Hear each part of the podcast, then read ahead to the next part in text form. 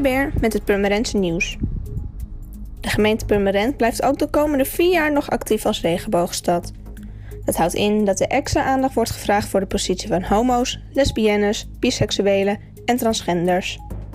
Landelijk onderzoek wijst uit dat zij bijvoorbeeld vaker te maken hebben met negatieve reacties, pesten en geweld. De komende vier jaar gaat Purmerend verder om hier wat aan te doen. Morgen wordt bij gemeente Purmerend de servers en werkstations van de reisdocument vervangen. Hierdoor kan morgen geen spoedaanvraag voor reisdocumenten worden ingediend. Op vrijdag 7 juni kan er ook geen gewone aanvraag voor reisdocumenten worden gedaan. De definitieve uitslagen van de Europese parlementsverkiezingen zijn bekend.